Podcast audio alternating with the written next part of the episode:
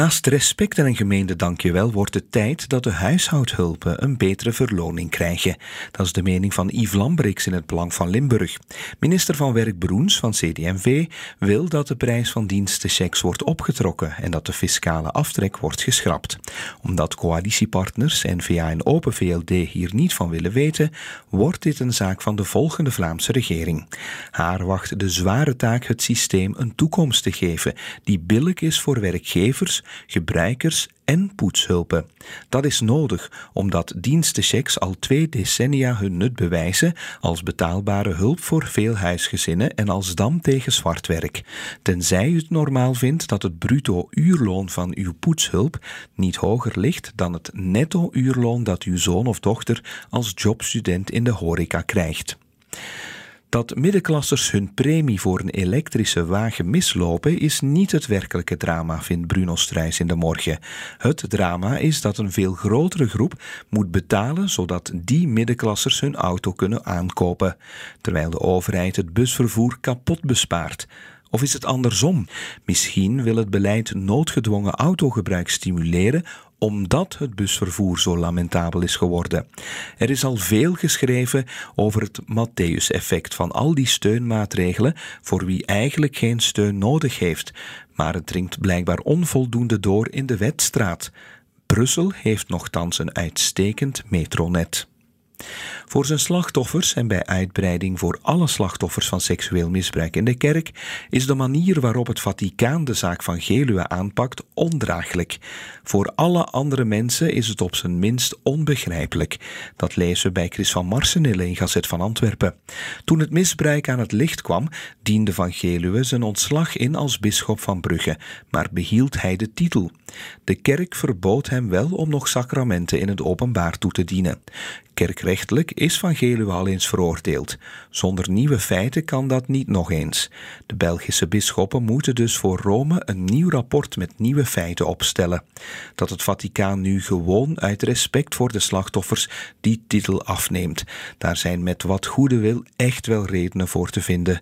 Dat die goede wil ontbreekt is ronduit schandalig. In het nieuwsblad buigt Arnoud Gijsels zich over hetzelfde onderwerp. Niet omwille van het kindermisbruik, niet omwille van bezit van beelden van kindermisbruik. Nee, minister van Justitie van Tichelt maakt de pauselijke nuntius, de gezant van het Vaticaan, erop attent dat er op de computer van Roger van Geluwe gewone porno te vinden is.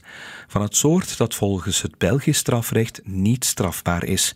Maar Van Tichelt maakt zich sterk dat ze in Rome daarvoor wel zullen ingrijpen. Het zou extreem wrang zijn mocht de kerk nu plots wel in actie schieten voor een peulenschil. Dat zou betekenen dat porno kijken op een of andere getikte manier erger is dan kinderen misbruiken. Maar de bevolking verwacht wel iets en we wachten al meer dan tien jaar. We hebben niet alleen onvoldoende munitie, maar ook onvoldoende volk. Dat schrijft Isolde van den Einde in het laatste nieuws. Defensieminister De Donder doet een oproep voor reservisten. De Donder vindt het warm water niet uit. De vorige defensieminister van de Put blies de operationele reserve weer leven in. België is dan ook stilaan een eiland binnen de NAVO. In Duitsland woedt het debat over de dienstplicht. Zweden schrijft geëngageerde jongeren aan en mikt op 5000 reservisten op een bevolking van 8 miljoen mensen. In Nederland is nog maar net het vrijwillig betaalde 10 jaar bij Defensie gestemd in het parlement. Wij hebben enkel een oproep van onze minister. En Koen Vidal heeft het in de standaard over Israël en Gaza.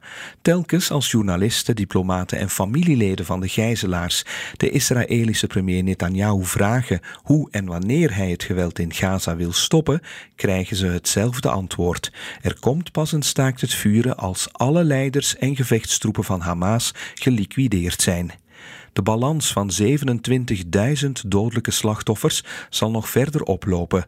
Nog meer civiele infrastructuur en burgerwoningen zullen aan flarden worden geschoten.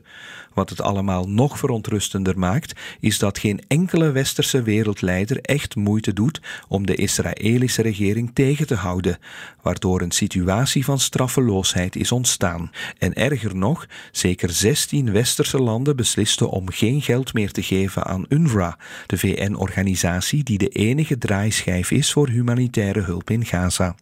Bepaalde westerse leiders hebben het verdict van het Internationaal Gerechtshof blijkbaar slecht gelezen en lijken alles in het werk te stellen om de catastrofe nog erger te maken. Het is vrijdag 9 februari en dit waren de krantencommentaren.